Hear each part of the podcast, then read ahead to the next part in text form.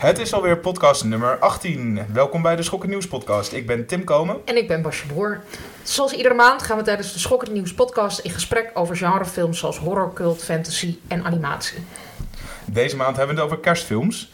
Um, hij is universitair docent media en cultuurwetenschappen die verbonden is aan de Universiteit van Utrecht. Onze gast is Dan Hessler Forrest. Hallo. Hallo. We gaan later ook nog luisteren naar de columns van Hedwig van Driel en Erik van het Holt. Daar kan je je alvast op verheugen. En aan het slot blikken we vooruit op natuurlijk, het kan niet anders, Star Wars The Last Jedi.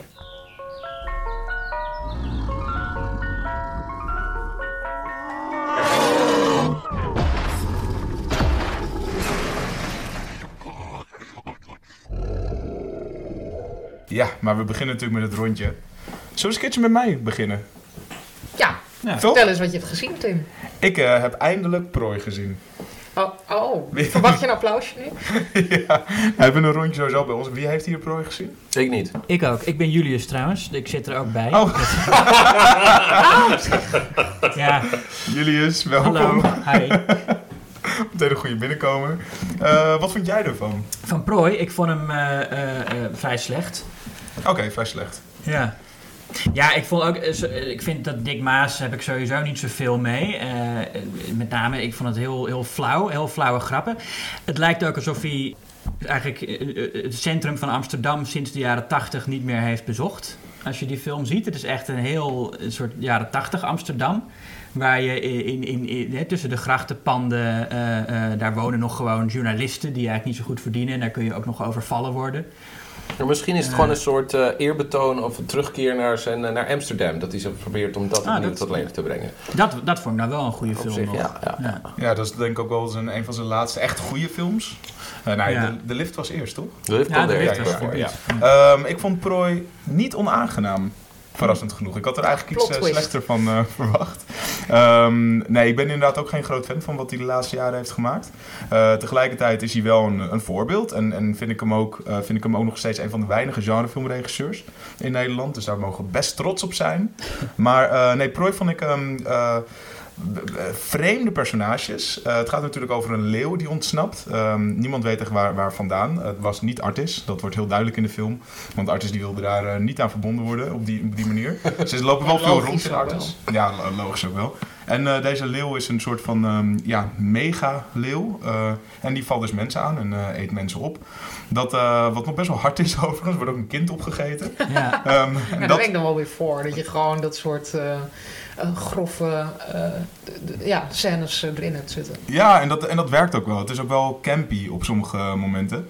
Ehm, een beetje niet-zeggende personages. Er gebeurt niet zo heel veel met hun. Het, ga- het gaat echt, het, het loopt van ja, valstrik naar valstrik. Dus ze proberen elke keer de leeuw in de val te lokken. En eh, je ziet duidelijk een verschil tussen de animatronic leeuw, dus de, de echte leeuw, die is gebouwd met ehm, ja, mechanische eh, onderdelen. En de ja, visual De- de effects- CGI-leeuw? De CGI-leeuw, Ja, ja, ja. die en welke is, is eh, beter dan? ja, de animatronic leeuw veel beter. Ja. Ja, ik heb wel de trailer gezien en die CGI-leeuw die zag er echt heel brak uit, vond ik wel. Dat is een soort Star Trek Next Generation niveau animatie. Ja, daar schenen ze ook niet echt genoeg tijd voor te hebben telkens om die, eh, om die echt goed mooi te maken. En dat zie je ook wel. En hij heeft hele rare ogen. En ze hadden hem beter ook, en dat is natuurlijk ook vaak bij monsterfilms Ja. zo, dat je iets juist tot het einde een beetje... De Ja, maar dat heb ik hier, dat, hoor, dat, dat zei eh, Amy Nicholson laatst in haar podcast, The Canon. Ehm, je hebt heel veel monsterfilms van nu die dat dan doen, maar dan laat ze het monster zien en dan is het helemaal niet zo indrukwekkend. En Dat moet je natuurlijk wel hebben. Als, je- als je het monster tot een bepaald moment bewaart, moet je wel echt een fucking vet monster hebben. Ja, moet je Nou ja, oh, je moet gewoon weten hoe je moet monteren. Want dat is een van die dingen in Jaws bijvoorbeeld. Dat ze gewoon merkten van die shots waarin je dan de haai ziet. Die werkten wel als je zeg maar de eerste 22 frames liet zien. Maar niet meer als je er 25. Dat is echt een frame verschil wat dat, Ja. wat, dat, wat dat wel of niet geloofwaardig maakte. Dus het is ook gewoon precies weten hoe ver je kunt gaan met de middelen die je hebt. Volgens Ja. mij. Ja.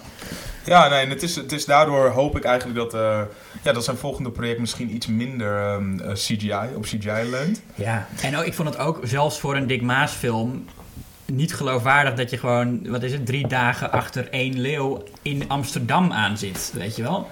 Ja, Ja, hij, in- zit dan op een gegeven moment in In, het in Vondelpark. Jaws gaan ze, gaan ze gewoon die haai vangen en dan hebben ze hem binnen een vrij korte tijd. Ja. Ze worden eerst nog tegengewerkt door de burgemeesters, maar als ze eenmaal op weg zijn, dan lukt het gewoon om die haai te pakken, wat ook ja, het is maar een haai. Ja, die leeuw die gaat zich niet verstoppen ergens op een Nee, zoldertje die leeuw die, die, loopt gewoon rond. rustig ja. over straat en het duurt drie dagen voordat ze het beest hebben. Maar heb je die film dan niet een soort van satirische politiek van eh, de, de, dat de burgemeester in Amsterdam zegt, nou er is helemaal geen leeuw of die leeuw Ja, valt best wel mee nee, of dat, zo. dat heb je wel.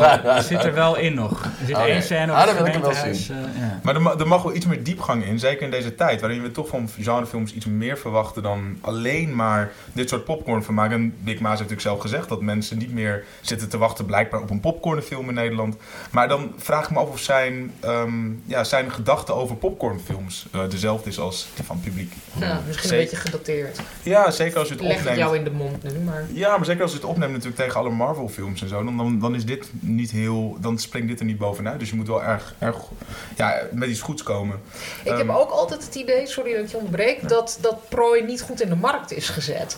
Dat je, dat, dat je het veel spannender kan brengen. Wat, wat is er dan met die leeuw? Wat gebeurt er? Ik had altijd zoiets van, oké, een, een film met een leeuw, wat, waarom moet ik daar naartoe gaan? Ja, de relevantie ervan, die werd me ook niet helemaal duidelijk. Van En- waarom is dit op dit moment? Van Ja. Get Out snap je meteen van, oh ja, dit is echt een nieuwe soort van manier om dit soort horrorverhaal te vertellen. Of een manier die heel toevallig of heel mooi past bij debatten die op dit moment eh, aanwezig zijn in de samenleving. En bij, ja, omdat leeuwen duidelijk geen maatschappelijk probleem zijn, is het als een dreiging. Maar zou die leeuw een metafoor kunnen zijn voor iets? Had, had hij dat kunnen inbouwen, denk je? Natuurlijk, dat is altijd wat, er veel, wat, wat juist een horrorfilm zijn kracht geeft. Al die artikelen die over toen Jaws verscheen zijn gepubliceerd over hoe dat die symbool stond voor de manier waarop de deindustrialisering eigenlijk iedereen een makkelijke prooi maakte voor, eh, eh, voor eh, overmachtige bureaucraten. Nou ja, de, de, het loslaten van de gouden standaard en de dollar, bla bla. Er allerlei verschillende manieren waarop je daar een soort van zin aan kan geven. En die werden op dat moment ook heel veel besproken. Maar voor prooi heb je dat soort artikelen nooit gezien. Want volgens mij is voor niemand echt duidelijk wat die leeuw, ja, wat dat voor weerslag had of zo. Nee. Lijkt een heel willekeurige keus. De, voor de film zelf ook niet. Die film weet ook helemaal niet wat hij wil en wat hij is. Of het nou een actiefilm is, of een horrorfilm, of een comedy, of camp, of serieus. Dat, en dat is heel vaak met Sint Maas, met, eh Sint Maas, met Dick Maas, met Dick Maas, ook met Sint.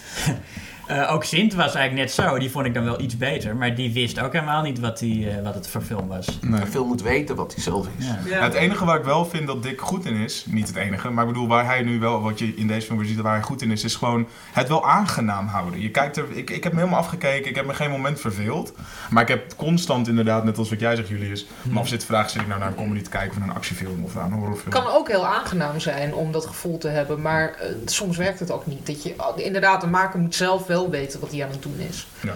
Nou goed, ik hoop dat er eh, genoeg eh, genremakers opstaan, zoals wat jij net zegt Dan, eh, die eh, met een bepaalde boodschap een genrefilm willen maken, want dat past heel erg bij deze tijd. Ja. En dat het filmfonds er ook nog in gelooft. Jonge filmmakers Na- vooral, jonge filmmakers. Jonge filmmakers. Julius, jij hebt The Cabin in the Sky gezien. Ja, of voor mij Eigenlijk een gewoon- musical, toch? Eigenlijk een musical, ja, het is gewoon echt een musical. Uit de Een tijd van de dat we meesters nog, van de eh, musical. Ja, precies. Eh eh Vincent, hoe heet hij nou? Ik, ik, Minelli. ja, zo, ja ik, weet, ik weet niet of je dat nou Amerikaans moet uitspreken. of, eh, Italiaans, Italiaans. alstublieft. Nee. Ja. Eh, nou, die natuurlijk ook Meet Me in St. Louis gemaakt heeft. Een van de meest zoete musicals. En maar American dit, in Paris ook. Ja. Ja. Maar dit is er één, die vond ik wel bij Schok het Nieuws passen nog. Omdat het ook over de duivel gaat. Eh, het gaat over een man, een gokker, die eigenlijk... ehm, eh, eh, komt te sterven omdat hij wordt doodgeschoten door een gangster aan wie hij nog eh, geld verschuldigd was. Ehm, maar dan op het moment dat de, dat de demonen hem komen halen om hem naar de hel mee te nemen, is zijn vrouw aan het bidden voor hem. En dan zegt zelfs Lucifer Jr. zegt, eh, that's some terrific praying. Ja, en dan krijgt hij inderdaad nog een tweede kans. En het is, je had in de jaren 40 eh, een aantal musicals met een volledig zwarte cast. En de- dit is daar één van. Ehm, en ik, ja, ik, ik vond hem eigenlijk, het is, ik, dit was de eerste keer dat ik hem zag. Voor een musical vond ik hem niet genoeg liedjes hebben. en die liedjes ook niet zo heel indrukwekkend. Maar misschien heeft dat ook met mijn verwachtingen te maken. Ik had hiervoor Stormy Weather gezien. Die vond ik echt super. En daar, Ja. dat is echt 20 nummers, geloof ik, in, in 80 minuten. Met heel spectaculaire danssequenties en alles. En dat heb je hier. Er zitten wel veel gemiste kansen in. Ik bedoel, Louis Armstrong zit erin, maar die heeft geen één nummer. Die is eigenlijk gewoon een soort cameo. Hij speelt een van de demonen. Ehm, Lina Horn zit erin, die heeft geloof ik één liedje. Ja. Eh, Duke Ellington zit erin met zijn orkest. Die heeft, hebben ook geloof ik één nummer. En, eh, en, en Bill Bailey doet een tapdans. Dat zijn eigenlijk de redenen om, om de film te kijken. Het is een van de hoger, eh, eh, hoe noem je dat? Een, van, die, van die zwarte musicals die een hogere, hogere status hebben dan, eh, dan de meeste. Maar als musical, tenminste als echte muziekfilm, vond ik hem toch wat tegenvallen. Ja, en ook, ja, het is het allebei niet. Want de plot is ook niet sterk genoeg Nee, om ook dat. op dramatisch niveau te overtuigen. Nee, zeg maar. precies. De meeste van die films hebben gewoon een flinterdun verhaaltje Ja. dat een kapstok is om al die nummers aan op te hangen. Maar dat is hier, eh, ja. Nee, ik had hetzelfde. Ik heb hem een paar jaar geleden gezien of zo. Hij is wel eh, cinematografisch, staat hij wel, is hij wel een stuk leuker of interessanter dan Stormy Weather. En was het een Dat hit wel- destijds? Ja, volgens mij wel. Ja. En zou dat bijvoorbeeld rijp kunnen zijn voor een, eh, een remake? Ja, vraag je me wat. Ja, of zo'n Nou ja, soort film misschien. ja, het zou wel weer leuk, om, om, want dat heb je eigenlijk niet meer. Musicals waar je echt voor moet kunnen zingen. En dit is, niet, dit is misschien niet helemaal een schokkend nieuwsonderwerp, maar ja, ik vind La La Land bijvoorbeeld, denk ik, ja, Ryan Gosling en Emma Stone, prima acteurs, maar die kunnen niet zingen en dansen. En dan kunnen zeg, een beetje dansen. Een beetje. Ze zijn echt net, net genoeg dat je zegt van oké, het ziet er nog net leuk uit in één shot. Zo. ja, nou, vooruit. Maar het is een, absoluut kunnen het Maar, maar dan, zeggen, dan, dan, zeggen mensen, dan, dan zeggen mensen van ja, maar we hebben toch ook geen, geen Fred Astaire meer en geen Ginger Rogers. En ik van nou ja, we hebben nog wel. Dat, als je in Hollywood acteurs gaat proberen te leren zingen en dansen, je kunt toch veel beter gewoon mensen uit de muziek nemen. Maar kijk dan naar Dreamgirls. Bijvoorbeeld. Ook geen schokkend nieuwsfilm overigens. Ook best Maar daar heb je wel Jennifer Hudson, die er natuurlijk een Oscar voor wint. Beyoncé, die speelt erin. Dat zijn wel Ja, zangers. nou, hier Beyoncé, daar heb je eh, Janelle Monáe, eh, is een goede actrice. Ja. Justin Timberlake. Kan ook dansen en zingen als een gek. Ja, Donald Ja. Glover. Ja. Eh, is allemaal voor- mensen die, ja. die uit de muziek, of nou, ja, die uit Ja. de muziek komen. Eh, En ik vraag me af, waarom zitten die dan niet? Waarom moet ik dan in Beauty and the Beast Ja. naar Emma Watson Ja, kijken? Maar ik Ja. moet zeggen, ik hou heel erg van musicals. We gaan het zo weer over schokkend nieuwsfilms hebben. Ik hou heel erg van musicals, maar ik zit echt totaal niet te wachten op een musical met al die mensen die je net opnoemde. Omdat ik... En trouwens, Fred Astaire was ook niet de beste zanger. Dat is gewoon een unieke, geweldige danser. Zingen deed hij erbij. Ja, zijn eerste screentest was de reactie: eh, can't sing, can't act, can dance a little. En dan eh, gaan we naar Dan. Wat heb jij laatst, eh, de laatste tijd gezien? Ja, oh, ja, vond ik best moeilijk. Ehm, ik dacht, ik wil het eerst hebben over, dacht ik, nou, ik heb het over The Thing, die eindelijk in een goede, echt mooie Blu-ray-editie is verschenen in Engeland. Die ziet er dus voor het eerst niet lelijk digitaal uit, maar echt zoals film eruit te zien. Toen dacht ik, nee, ik wil het hebben over dat ik alle, de, alle films in de Nightmare Before Elm Street reeks heb gekeken rondom Halloween. Wat ook ontzettend leuk was om een reeks te zien, waarin niet zoals in Marvel of Star Wars films een soort complexe verhaalwereld aan het opbouwen bent, maar gewoon elke film opnieuw bedenkt, wat is Freddy Krueger eigenlijk en wat doen we ermee? Ehm, nee, ik dacht een, een, een goede film om te bespreken is een die ik eh, eh, vorige week eh, weer eens opnieuw uit de eh, kast heb getrokken. Dat is The Entity. Eh, een eh, horrorfilm uit, eh, wat is het, 1983 zeg jij in mijn hoofd, zoiets? Is dit die film waar een vrouw seks heeft met een geest? Ja, ja nou, ze- nou ja, nee, nee, nee. Waarin een vrouw verkracht wordt door een geest. En niet zomaar een beetje, maar echt keer op keer op keer op keer. En ehm, het is een, eh, ja, het is, het is een heftige film. Eh, Een film over seksueel geweld. En ik, vond, ik dacht, dat is een, een goede keuze voor, nou ja, het, het moment, het culturele moment, waar we, het maatschappelijke moment waarin we nu leven.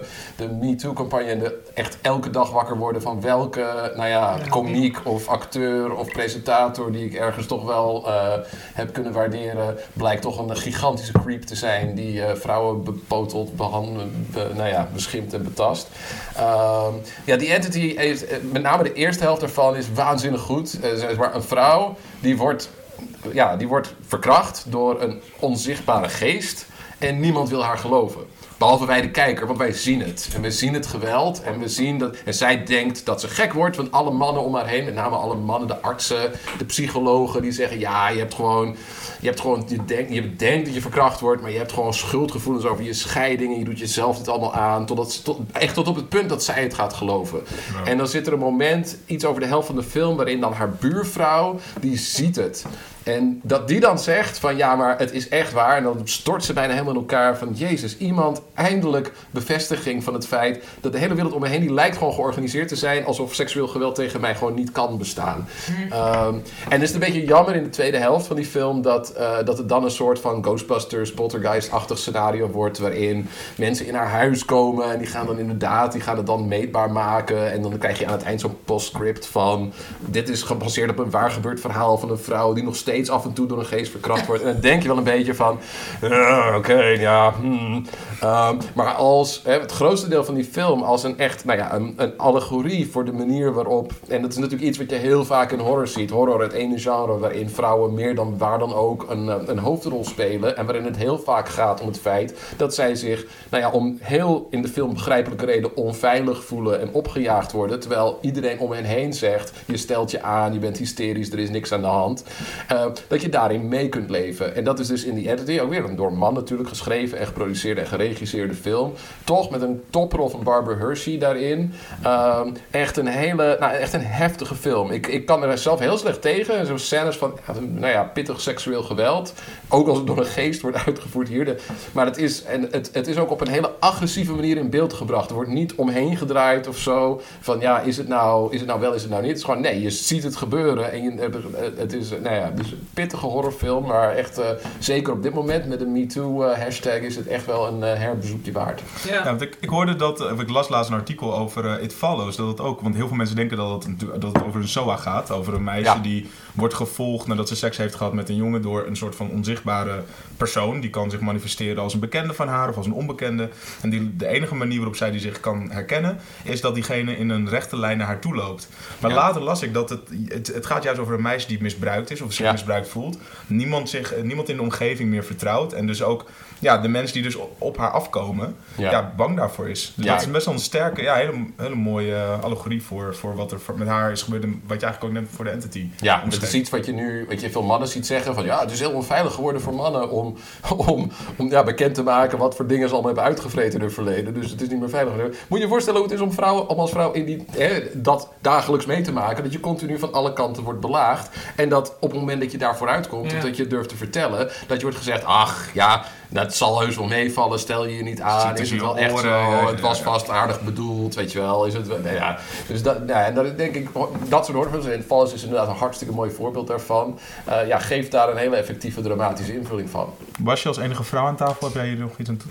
Eh, ehm, nou, even kijken. Wat voor hashtags heb ik nog liggen? Nee, ik heb daar niks aan toe te voegen. Ik eh, kan me daarin vinden, zeker. Welk film heb jij gezien? Nou, ik, eh, ik moet echt heel regelmatig denken aan What Lies Beneath. De film uit, even kijken, spieken, 2000. En ik vond het gewoon een hele fijne film. En ook om, juist omdat het is een beetje gelikt. Het is een beetje... Ken je hem nog? Ja, het is Met echt, een- echt eh, een Michelle studie- Pfeiffer. Harrison Ford en Michelle Pfeiffer, ja, ja, ja. En Toen die net is- een beetje over de hill waren. Ze waren allebei niet meer echt in de piek van hun sterrentijd, maar... Ik vind het ook überhaupt leuk dat het over een wat ouder echtpaar Ja. gaat. Ja. Ja. En het is dan een eh, soort spookverhaal. Nou, ik zal niks verklappen, ook al is het een film uit 2000 en iedereen weet wel wat de plot ongeveer is. Maar het is een beetje gelikt gemaakt. Het had ook eh, een regisseur met, een, met meer visie dan eh, Robert, Zemeckis. Ja.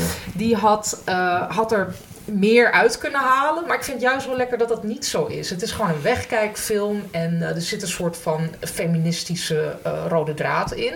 Want Michelle Pfeiffer speelt een vrouw die echt zo'n echtgenote die haar carrière als eh beroepsviolist of cellist heeft opgegeven voor haar man. Ja, allemaal dat soort dingen zitten erin. En het is best wel, ligt best wel aan de oppervlakte. Het is niet subtiel daarin. En dan later eh, is er een ander vrouwelijk personage waarvan je dus denkt: oh, nou, die, die zal het wel allemaal. Weet je, het is een beetje een soort. wordt negatief eh, neergezet, maar uiteindelijk blijkt dat. Niet, blijkt dat anders te zitten dan je dacht. Dus dat zijn allemaal een soort van feministische eh, ja, lijntjes die erin zitten. Dus dat vind ik ook fijn. Dit soort films worden niet meer gemaakt. Nee, en dat, dat is dus ook waarom ik vaak aan die film moet denken. Dat ik denk, ik wil gewoon zo'n soort... Ik noem dat dan een, een vrouwelijke... Ik weet niet waarom, maar ik vind het een heel vrouwelijk soort thriller.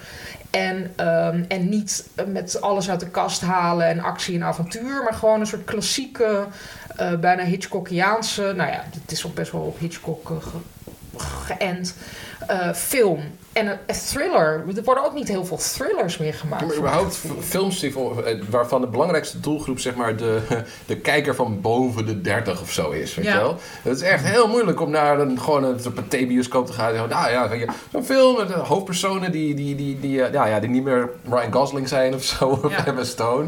Maar ja, En die, een beetje- klassiek plot. ja, die rustig vertelt. Ja. maar, ja, Netflix en HBO die hebben een soort van monopoliepositie ontwikkeld voor volwassen amusement of zo, volwassen drama. En de studio's die durven hun handen er niet meer aan te branden. Die zeggen, laat hen dat maar doen. Ja. En dan gaan wij wel Star Wars maken en Marvel films en Maar waar, dingen. waar plaatsen jullie Murder on the Orient Express dan bijvoorbeeld? Is dat, is dat, is dat die... avontuur en spektakel. Ja, dat is wel, ja, maar het is wel een soort interessante inkopper voor een soort nieuw, misschien een nieuwe franchise. En zo is die film wel echt heel erg in elkaar Ja. gestoken. Ja, van- Death on the Nile is net, eh, die gaan ze ook maken. Ja. Dat is nu akkoord. Ja. Ja. Ja. Ja, wordt ook Die echt gezegd aan het einde van...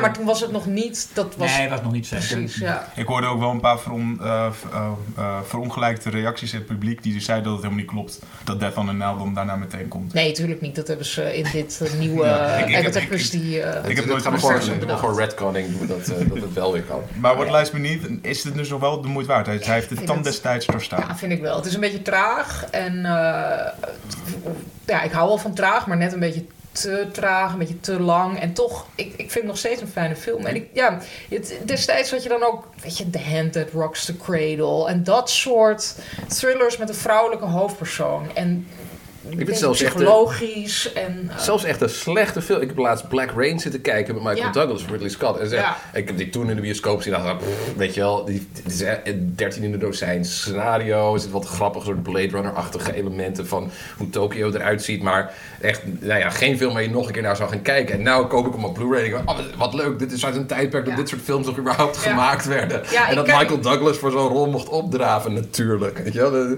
Ja, ik, ook om aan, aan mijn trekken te komen op dit gebied ga ik, ga ik terug in de tijd. En inderdaad, Black Rain heb ik ook recent Ja. eh, gekeken. Ik vind het wel leuk dat Michelle Pfeiffer en Harrison Ford allebei nog steeds eh, heel erg aan de... Nou, tenminste weer terug, ja. weer terug, Ja, zijn. ja, ja, ja, ja. Dat is, eh, dat is wel top.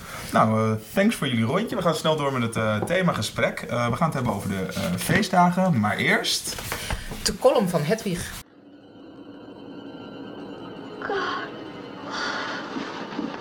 God.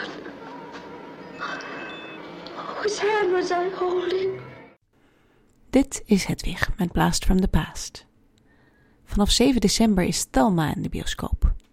Het is een film van Joachim Trier. Hij maakte eerder drie goed ontvangen drama's: de Noorse films eh, Reprise en Oslo 31 augustus en het Engelstalige Louder Than Bombs. Nu begeeft Trier zich voor het eerst op genregebied. Thelma gaat over een religieus meisje dat naar de grote stad verhuist en daar verliefd wordt op een ander meisje. En dan blijkt dat ze over bovennatuurlijke krachten beschikt.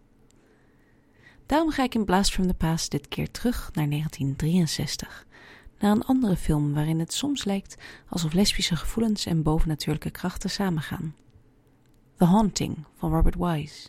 The Haunting is een klassiek spookhuisverhaal en nog steeds wel echt een van de beste spookhuisfilms. Het is gebaseerd op een boek van Shirley Jackson, The Haunting of Hill House. De film opent met een samenvatting van alle mysterieuze en macabere gebeurtenissen die er in Hill House plaats hebben gevonden. We horen dit allemaal van Dr. John Markway. En die dokter die wil onderzoeken of er echt wat bovennatuurlijks aan de hand is. En daarom trekt hij zich terug in het huis met drie mensen. Luke, de erfgenaam van de huidige eigenares. Eleanor, die wordt ook al Nell genoemd. De, het is eigenlijk de hoofdpersoon van de film en echt een bal zenuwen. Gekozen omdat ze als kind een poltergeistaanval meemaakte. En tenslotte is daar Theodora, ook wel Theo, die uh, helderziend is. Het hart van de film wordt gevormd door de vriendschap tussen Nell en Theo. De schuchtere Nell is heel haar leven afhankelijk geweest en, en beschut. Die moest voor haar zieke moeder zorgen. Nu is moeder dood en kan ze haar vleugels uh, spreiden. Ze is erg onder de indruk van de stijlvolle Theo, die vol zelfvertrouwen door de wereld gaat. En Theo lijkt wel te geven om Nell, lijkt wel een zekere affectie voor haar te hebben. Er zijn meerdere hints dat Theo lesbisch is. Haar stijl, uh, hoe fel ze reageert op interactie tussen Nell en de mannen. En op een gegeven moment heeft ze het over de inrichting van haar huis. En het is duidelijk dat ze dat huis met iemand deelt. Are you married? vraagt Nell. En dan antwoordt Theo heel afgemeten: No. Later zijn er meerdere opmerkingen van Nell die dubbel geïnterpreteerd kunnen worden. Als ze uh, You're a monster, Theo, you're the monster of Hill House zegt, gaat dat dan over de bovennatuurlijke gaves van Theo of over haar seksualiteit? Wat bedoelt Nell als ze Theo one of nature's mistakes noemt? Als ze zegt, I'd rather be innocent than be like you. Toch is de film zelf voor zijn tijd ook wel opvallend progressief. De film is eng, maar Theo is dat niet. Ze wordt niet neergezet als promiscu, ze aast niet op Nel En ook belangrijk, ze wordt niet gestraft voor haar seksualiteit. De aanvallen door Nel worden niet als redelijk neergezet, die komen duidelijk voort uit angst. En die angst wordt Nel, spoiler, uiteindelijk fataal. De lesbische subtekst is maar één van de elementen van de haunting. Het is een uitzonderlijk rijke horrorfilm waarin, nou ja, laat ik maar eens een cliché gebruiken, het huis echt een personage is. Het is claustrofobisch, vol rare hoeken en bomvol met allerlei barokke objecten. En Robert Wise, de regisseur, die speelt in zijn mise-en-scène met beelden waarin de achtergrond en de voorgrond even belangrijk zijn. En veel met uh, spiegels en door deuren. Hele extreme close-ups en rare hoeken. Eigenlijk gebeurt er vrij weinig in de film en toch is hij echt eng. Velma van Joachim Trier krijgt ook lovende kritieken. Ik citeer eventjes uit de recensie van Manola Dargis van de New York Times. Mostly and most satisfyingly, it plays with the female gothic, those unnerving tales churning with desires and dread and quivering with anxiety and suspicion, in which women are at once the victims and agents of change. Nou, die paragraaf die zou ik zo op de haunting van toepassing kunnen zijn. Dit was Hedwig met Blast from the Past. Terug naar de rest van de podcast. Dankjewel, Hedwig. Ja, en dan gaan we het hebben over uh, films uh, die zich afspelen tijdens de feestdagen. Uh, en dan met name tijdens kerst. En eigenlijk is mijn eerste vraag aan jullie: waarom moeten we eigenlijk films hebben die zich afspelen tijdens kerst? Waarom is kerst zo'n bijzondere, vooral kerst, want daar zijn de meeste over gemaakt, zo'n bijzondere feestdag waardoor mensen zich ja, aan films willen wagen en die zich afspelen tijdens kerst? Tja, ja, kijk, alles uh, tijdens de kerstdagen of sowieso uh, na, na Sinterklaas, zeg maar, in Nederland, dan staat alles in het teken van kerst. Alles is je, ge gekerst. Dus dan uh, wil je ook films kijken die, zich, die daarmee te maken hebben, denk ik dan. Nou, en dat is ook gewoon in de manier waarop Amerikaanse filmdistributie werkt. Ja, dat is gewoon iets wat elk jaar twee seizoenen heeft. En je hebt het zomerseizoen. En dat is nou ja, al heel, heel jaar, veel jaren lang het blockbuster seizoen. En je hebt het kerstseizoen. En dat is een seizoen. Dat zijn de twee momenten in het jaar waarop um, de, mensen het meest naar de film gaan. Dus um, de filmindustrie. Het is in dat opzicht heel logisch dat de Amerikaanse filmindustrie daar heel direct op inhaakt. Door films te produceren die juist ja, een één aspect van die beleving van die tijd ook enigszins invullen. En dan is kerst, ja, aan de ene kant heb je maar kerstachtige verhalen met uh, geesten of uh, reflecteren op je verleden of in ieder geval een setting die iets kerstterugs heeft. Um, uh, of anders, nou ja, een, iets wat te maken heeft met, met spanningen en binding binnen de familie. En dat zijn, dat zijn de manieren waarop mensen de feestdagen het, het, het nou ja, het gewoonlijk op de een of andere manier beleven. Dus dan kun je ook, ja, er zijn ook veel films die eigenlijk over Thanksgiving gaan, zoals Planes, Trains and Automobiles, die toch heel graag door mensen tijdens de kerstdagen worden bekeken. The Nightmare Before Christmas is eigenlijk, uh, ik zei volgens mij eerder The Nightmare Before Elm Street, maar dat was natuurlijk The Nightmare, A Nightmare on Elm Street. Before Elm Street is ook wel leuk. Um, uh, de straten voor. De straten voor, precies. Dus de prequel wordt dat. The Nightmare Before Elm Street. Um, The Nightmare Before Christmas. The Nightmare Before Christmas, die meer... Ja, eigenlijk is dat technisch gezien een, een, uh, een Halloween film. Uh, ja, goed, omdat er ook een kerstman in voorkomt en omdat de kerstmis in de titel zit, is het ook inmiddels een grote kerstfavoriet geworden. En hij is ook tijdens de kerstdagen uitgebracht voor de eerste bioscoop. Dus dat heeft er ook veel mee te maken. Ja, maar waarom is het dan eigenlijk, want je hebt heel veel horrorfilms of zeg maar schokkend nieuwsfilms die zich afspelen met kerst of iets met kerst van doen hebben. En waarom is dat dan eigenlijk? Want dat... Is het misschien sfeer, sfeervoller? Dan nee. of misschien wel schrijnender dat de kerst schrijnender dat misschien ik denk dat horror heeft, heeft heel veel te maken met een soort ja, een, een subtekst of een onderbuik die, die we het liefst willen verdringen, maar die toch altijd weer boven water komt. Dus, en met kerst willen we eigenlijk, tenminste om voor mijn eigen familie te spreken, wil iedereen heel graag doen alsof we echt een fantastische familie zijn die het zo leuk vinden om bij elkaar te komen. En er worden alle spanningen die daar eigenlijk ook tegelijkertijd zijn, waar we ons wel van bewust zijn, die worden maar even, nou ja, onderdrukt, zal ik maar zeggen. En uh, in, nou ja, de horrorfilm is nou juist een genre waarin datgene wat onderdrukt wordt, hè, what lies beneath, dat komt naar de oppervlakte. Dus of je het nou hebt over nou ja, de eerste, eerste officiële slasherfilm Black Christmas of Silent Night, Deadly Night of uh, Krampus of een van die ja, horrorfilms die, zich, die, die op dat kerstidee inhaken. Ja, die maken eigenlijk van een feest waarvan we gezamenlijk doen alsof het leuk, gezellig en kneuterig is. Laten zien dat daar eigenlijk heel veel nou ja, spanning en misschien ook wel vrevel en, en, en haat ook in geworteld zit. En thematisch gezien heb jij, eh, jullie had ook nog wel iets eh, over wat... Nou ja, ehm, Ja, ik, ik denk dat, het- dat heel veel van onze visie van kerst komt van eh, Charles Dickens. Hè? Dat Ja. A Christmas Carol, dat is ook het eerste boek waarin eh, de witte kerst zeg maar, als cliché werd geïntroduceerd. Want toen dat gepubliceerd werd, wa- was er al decennia lang geen witte kerst geweest in Londen. Dus het idee dat een kerst dat daar sneeuw bij hoort en eh, dat is allemaal van heeft Charles Dickens uit zijn eigen jeugd eh, eh, meegenomen. En hij heeft ook daarmee, volgens mij, het, het idee geïntroduceerd van kerst. Dat is wanneer je tweede kansen krijgt, zoals Scrooge in, in dat verhaal. Ehm, later zie je het ook nog in It's a Wonderful Life, wat ook vaak gezien wordt als een heel zoete film, maar wat eigenlijk gewoon eerst een soort heel een dystopische horrorfilm ja. in een aantal opzichten. Ja, het, zeker. Het eerste anderhalf uur is een, is een vrij deprimerend drama over een man met, een- met, een, met een mislukt leven. Nou ja, mislukt Je moet eigenlijk moet je die het, film eh, ook kijken zoals je Minority Report kijkt. Dat je zegt van het eind, dat is eigenlijk niet echt. Dat is gewoon een soort van projectie van een droom. Eigenlijk houdt Ja. het op op het moment dat George Bailey zelfmoord pleegt. Net als dat Minority Report eindigt als John Anderton in die cel verdwijnt en dan ja, zijn leven lang in een coma blijft. Dat Ja, eigenlijk nee, de, precies. de nachtmerrieversie is echter dan de droom. Maar het is echt dat de laatste vijf minuten van die film zijn meer zoet. Maar daarvoor zit ook een soort, een soort Twilight Zone Ja, aflevering. echt. Met een van de engste dingen die je je voor kunt stellen. Weet je wel, bestaan in een wereld waarin alle sporen van jouw bestaan gewist zijn. Ja. Dat is een heel griezelige gedachte. Ehm, maar goed, uiteindelijk is dat ook een film over een tweede kans. En, eh, en, en Eyes Wide Shut, dacht ik nog. Ja. Het gaat ook Ja. over een Een man die... alternatieve die kerstfilm, inderdaad. ja, Het speelt zich af tijdens kerst. Ja, en, maar ook heel, heel opzichtig. In elke scène zie je de kerstdecoratie. En de hele tijd hoor je iedereen Merry Christmas zeggen tegen elkaar. Ehm, maar ja, dat is, maar ook de tweede kans komt daarin terug. En ik denk dat de, de, de, de tweede kans wel een thema is dat heel vaak in, in kerstfilms. eh, Resoneert. ja. Ja, is dat, heeft dat misschien te maken met die, die donkere dagen? Dus die soort, we gaan een soort duisternis in. Met, ik voel dat op dit moment ook heel erg. Het is echt heel donker. Veel, weet je, die- nou, we zitten bij mij thuis. Dus ik vind het hier ook heel donker. En ik heb de hele tijd de behoefte om meer lampen aan te schaffen. En dat daarna wordt het weer lichter. En heb je weer een nieuwe, ben je als herboren in januari. eh, en blijft het nog even winter. Maar dan wordt het wel langzaam weer lichter.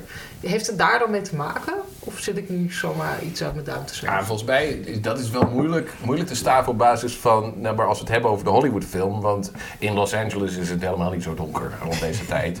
En in grote delen van de Verenigde Staten natuurlijk ook niet. Dat Ja, is gewoon, wij wonen hier heel noordelijk. En in Noord-Europa heb, je daar- heb je daar heel sterk mee te maken.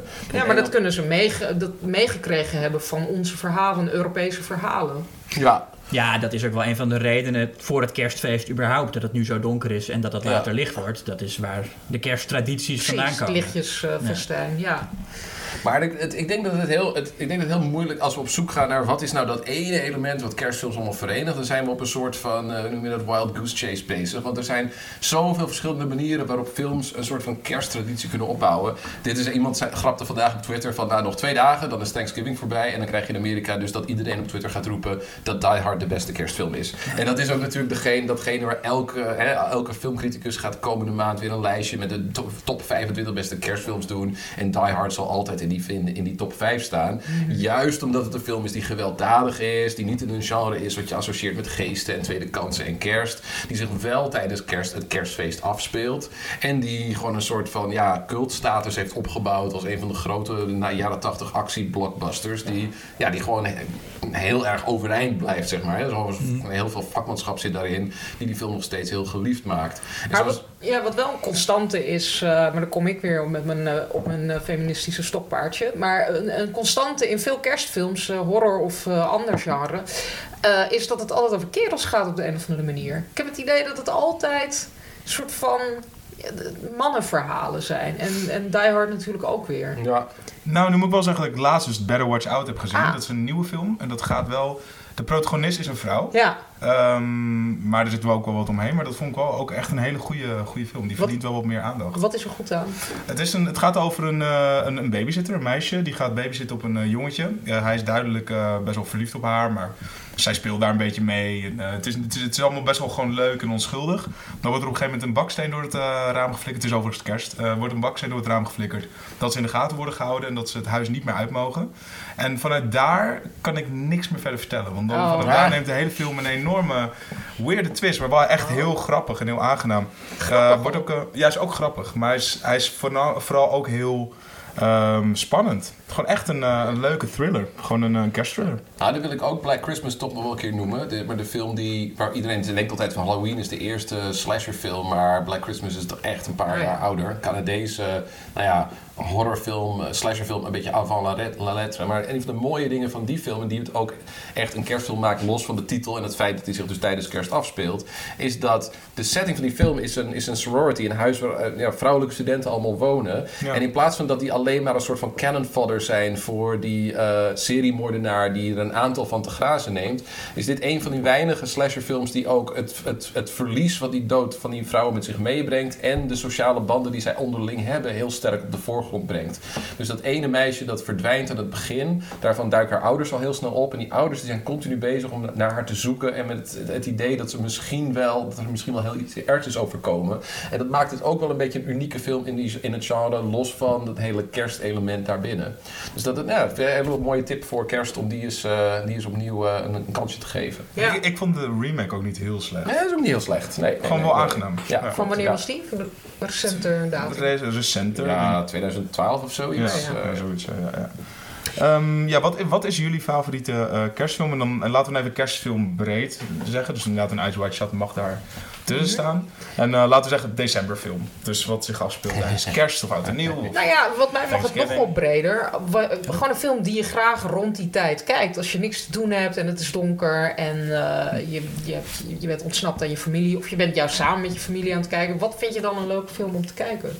Want ik vertelde hier voor dit gesprek al even eh, dat ik heel veel zin heb om een eh Scream Marathon avondje te organiseren. Oh, Terwijl dat hou heel- op hoor. Ja, Dat kom je ook? Ja, natuurlijk. Nou, nu Wes Craven dood is, wil ik ze ook wel weer een keer een kans geven in Ja, de Scream-films. Dat toch? wil ik wel zeggen. Ja. En, ik, dat, en dat heeft niks met kerst te maken, maar dat vind ik gewoon echt leuke films om met z'n allen te kijken. Ja, ik denk dat Ja. The People Under the Stairs is wel een goede film. Dat is niet Oh, mijn ja. keuze hoor, maar dat is wel een hele leuke film om op dit moment, ook na Get Out, om die nog eens een keer opnieuw op te zetten. Ook omdat hij toch een heel gek soort familie, soort eh, kerstsfeer met zich meebrengt. Ik heb de laatste een keer opnieuw opgezet. Echt wel een hele mooie film. Genoeg. Dus, Maar het is niet Wes, mijn keuze. Ik kom zo nog op mijn keuze. dus Wes Craven is een, eh, een favoriet tijdens eh, kerst. Ja. Toch wel. Maar is dat dan ook jouw keuze? Is Scream? Of heb Ja. je een andere... Nee, ik heb. Ik, ik, ik- Je hebt hier niet zoveel mee. nee. Nee. Nee, kerstthema, dat vind ik. Ik hou toch meer van dat het los van thema's staat of zo. Los van een seizoen. Los van een seizoen. En het mag zich best ook afspelen in de zomer, heel overduidelijk. Maar dan is het toch wat minder. Ja, ik, ik, nee, ik heb er niet zoveel mee. Nee. Nou, ik heb juist, ja, ik heb een heel erg soort, ik denk zoals veel mensen, maar een gigantische haat-liefde verhouding met kerst. Ehm, maar ik, ik hou wel heel erg van die kerstversieringen en die lichtjes overal in dat donkere. En dus, ik grijp elke gelegenheid aan om een soort van thematisch filmprogramma voor mezelf in te roosteren. Dus de 30 Days of Horror eh, in oktober, om dan de hele maand alleen maar zoveel mogelijk horrorfilms te kijken, liefst meer dan 30. En, eh, met rond kerst, om daar dus echt een soort van decemberprogramma in te lassen. Ehm, dus ik kijk ook naar Jingle All The Way met Arnold Schwarzenegger en Anakin Skywalker, weet je wel. Dat zijn echt, en het echt, nou ja, vind ik ook echt leuk om naar te kijken. Maar voor mijn, kijken, en dan heb ik een aantal van die hele rare films die ik op de een of andere manier altijd met kerst kijk. Zoals Public Enemies van Michael Mann, waarvan je denkt? Eh, maar mijn, ik denk dat mijn ene film die ik altijd met kerst opzet is Sweeney Todd, The Demon Dar- Barber of Fleet Street. En nu ben ik ergens wel benieuwd. Ik heb hem dit jaar dus nog niet opnieuw bekeken. Maar nu, zeg maar, het verval van Johnny Depp, die ooit een van de leukste acteurs was in heel de Amerikaanse filmindustrie, durf ik wel te zeggen. En die nu echt, nou ja, die verlepte oude kerel. Die nou het ziet er niet meer uit en hij komt nog steeds overal in voor.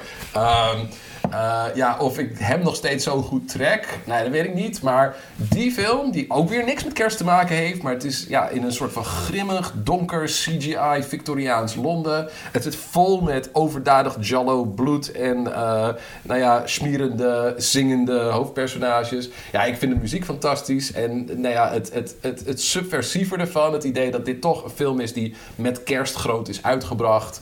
Ja, de- het musical element heeft voor mij toch altijd iets kerstigs En juist het feit dat het een soort van nou ja, atonale, tegendraadse, modernistische musical is van Steven Sondheim. Die slecht afloopt en een groot, nou, sorry, een spoiler, maar een Oh. tragedie met zich meebrengt. Rood bloed in grijs Victoriaans Londen. Ja, dat is voor mij kerst. Ja.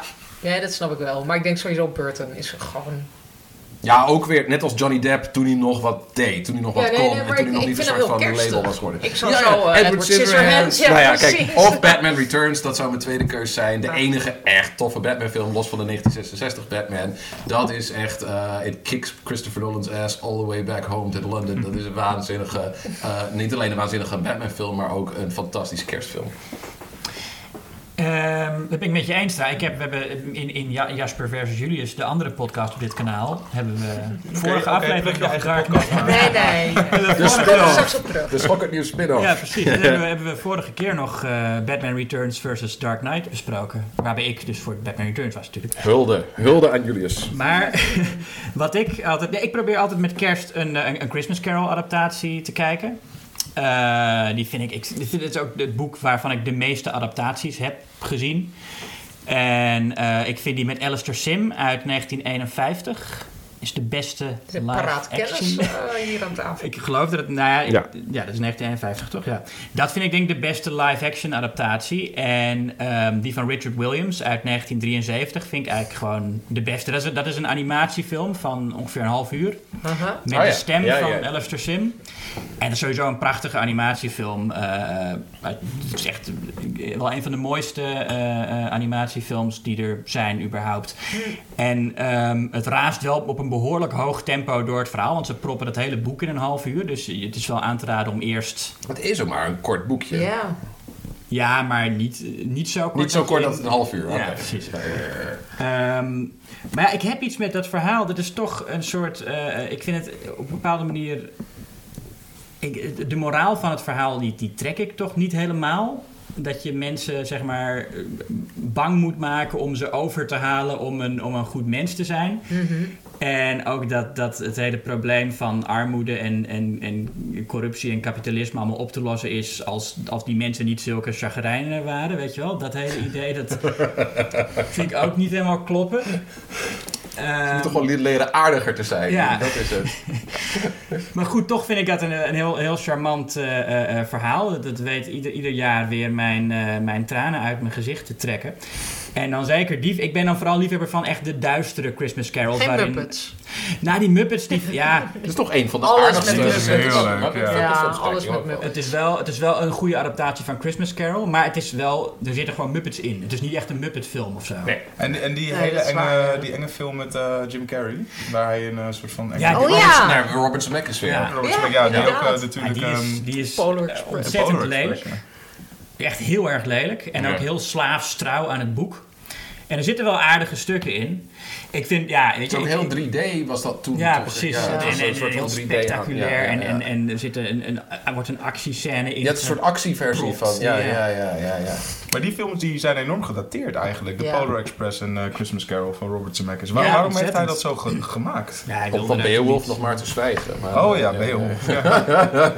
Nou, hij wilde daar toen iets heel groots van maken. Ja, niet Nee. gelukt. Nee.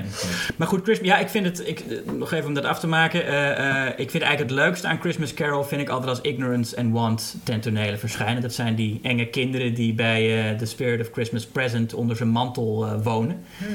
Die heb je niet in alle adaptaties. Nee, precies. toch? Ik vind, Ja. Dus als, als Ignorance and hebben Want erin zitten, dan, dan is het waarschijnlijk wel een goede adaptatie. Ik ben opgegroeid met eh, de versie met Albert Finney uit eh, volgens mij vind ik- 78 of zo. een musical versie.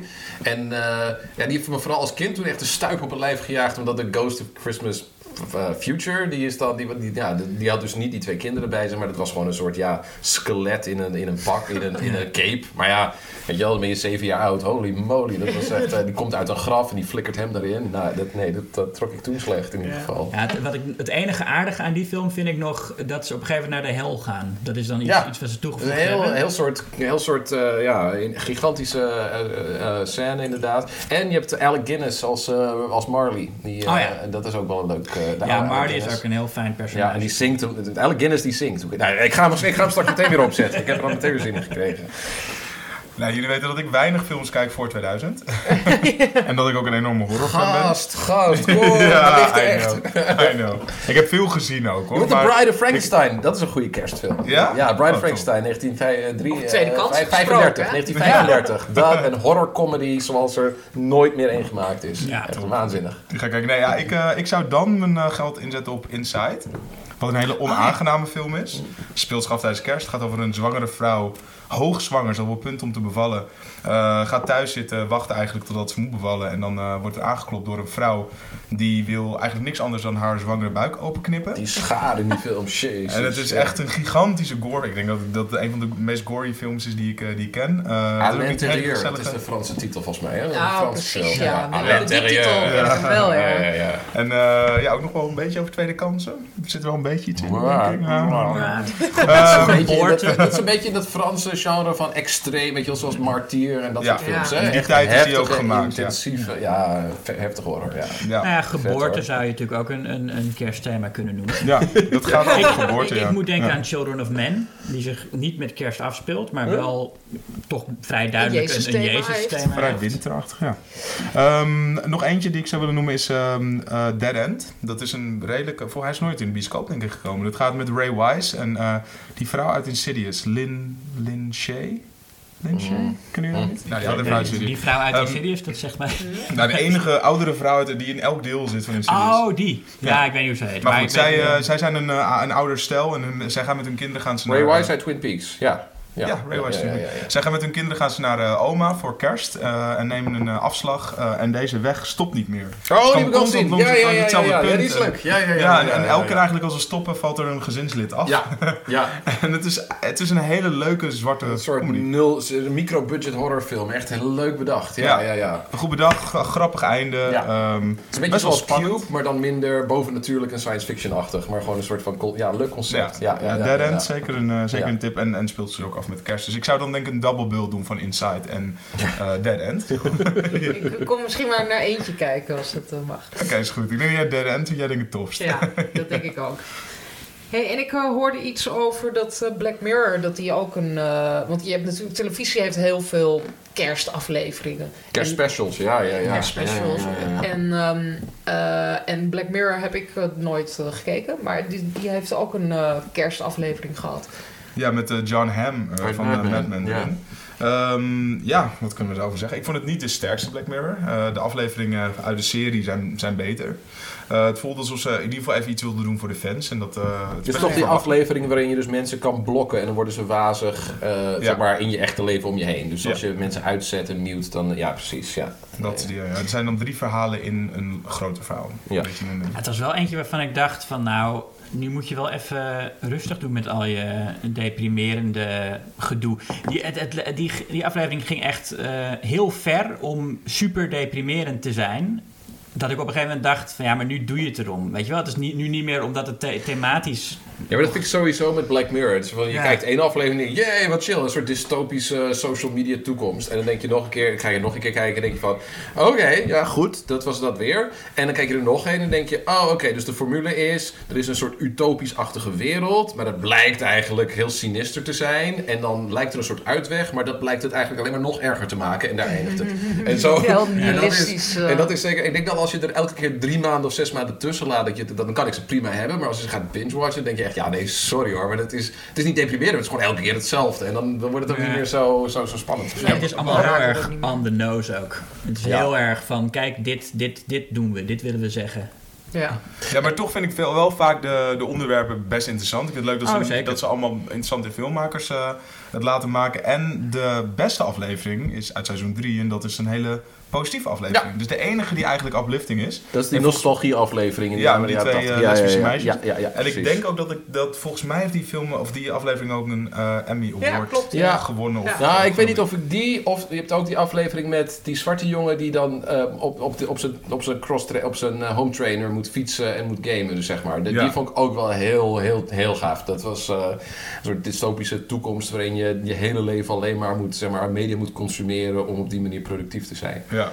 Maar wat ik trouwens in het en heel, we- heel ver weg van horror en dystopische Black Mirror dingen heel leuk vind om het kerst te doen, is, en- is de eh, Wallace and Gromit animatiefilms. Animatie is ook schokkend nieuws, toch? Ja. Ja, Want die, ja. werden, die werden, toen die oorspronkelijk verschenen, werden die met kerst speciaal de BBC uitgezonden. En ik eh, kon me daar de hele tijd op verheugen, want ze maakten ook bij Artman allemaal van die bumpers al eh, eh, toelopend naar de kerst toe. Dus je Oh, kreeg- ja. als je naar de BBC keek, en dat is alweer jaren geleden, maar als je dan naar keek en je zat te wachten op Wallace and Gromit, dan kreeg je ook het BBC-logo met Wallace and Gromit erbij en zo. Dus je werd al helemaal warm gemaakt.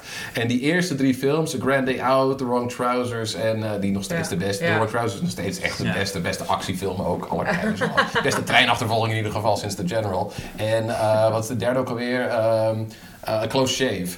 Hè? dat waren, die Ja. werden met kerst uitgezonden. Films van een half uur. Ideaal om met het hele, de hele familie samen te kijken. Als je daar toevallig een eerste kerstdag was. En nog steeds leuk om te herhalen. En ze hebben later, en dat denk, is denk ik een meer ondergewaardeerde film. Arthur Christmas. Is ook een Oh ja. Artman Oh, productie. tof, ja. Ontzettend toffe film. Die aan de ene kant echt wel een soort van ge- kerstgezelligheid met zich meebrengt. En ja, er, er zitten heel weinig donkere randjes aan. Maar hij doet dat zonder sentimenteel te zijn. Echt elke keer aan het eind van die film. Ik, de tranen lopen me over, over de wangen. Van hoe, ja, hoe een zoon toch, iets, toch een soort van man kan worden. Zonder dat het per se op de meest voorspelbare, lullige, knurfterige manier gaat. En waarbij het niet alleen maar gaat om een soort van traditionele normatieve mannelijkheid. Maar een eh, meer flexibele, meer een soort van hedendaagse vorm kan, kan vinden. Die Wallace en Gromit, die hadden ook wel echt spannende momenten. Van die, die pinguïn, Ja, die heel sinistere pinguïn. Ja. en, Echt en, waar. en, die Ja. Terminator hond. Die Terminator hond, mijn kinderen durven daar nog steeds Nee. naar te kijken. Die zeggen de robot dog. Nee, nee, nee, nee, nee. Dat is mij even te heftig. Ik vond dat als kind ook echt nog... eh, eh, en dat vind ik sowieso ook iets met, met kerstdingen, die je met de familie kijkt. De, de Griezelen. meeste zit wel altijd iets, iets engs bij. Ja, ja samen griezelen. Ik bedoel, Ja. het kan niet... Ja, gezellig is misschien niet het woord, maar het, is wel, het, geeft, het levert heel veel saamhorigheid op. Maar we hebben dat ook heel artificieel van elkaar gescheiden. Als je kijkt naar familiefilms of Disney-films van eh 80 jaar geleden, Snow White and the Seven Ja. Dwarfs, Ja. er zitten echt waanzinnige horrormomenten in. Dat moment waarop zij het, het, het donkere bos invlucht en al die bomen haar wezenlijk aanranden. Nee, dat is voor, voor Roman Polanski de inspiratie om in Repulsion, zeg maar Catherine Deneuve, al die handen die uit die muren Ja. komen om haar de kleren van het lijf te rukken en zo. Maar ja, bedoel, is echt- dus dat is überhaupt hartstikke natuurlijk. horror. De ezeltransformatie in Pinocchio. Pinocchio is Dat een van de engste films aller tijden. Het kwaad wordt niet bestraft. De wereld is een enge plek. Als je naar buiten gaat, ja, dan ben je eigenlijk je leven niet zeker. Ja. Je moet blij zijn als je überhaupt heel huis nog thuis komt. En dat doet hij niet eens. Hij moet, ge, hij moet gereanimeerd worden.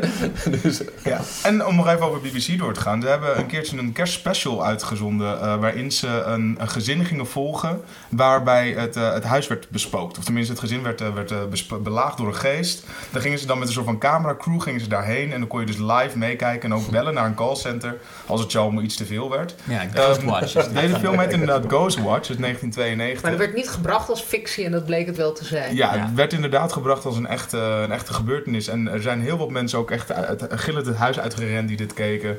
Eh, dus ze hebben best wel veel klachten gehad, de BBC achteraf. En ik heb hem dus laatst een keertje gekeken. Het is eigenlijk allemaal vrij onschuldig. Zeker in de tijd waarin wij al lang al Paranormal Activity en Blair Witch Project hebben gezien.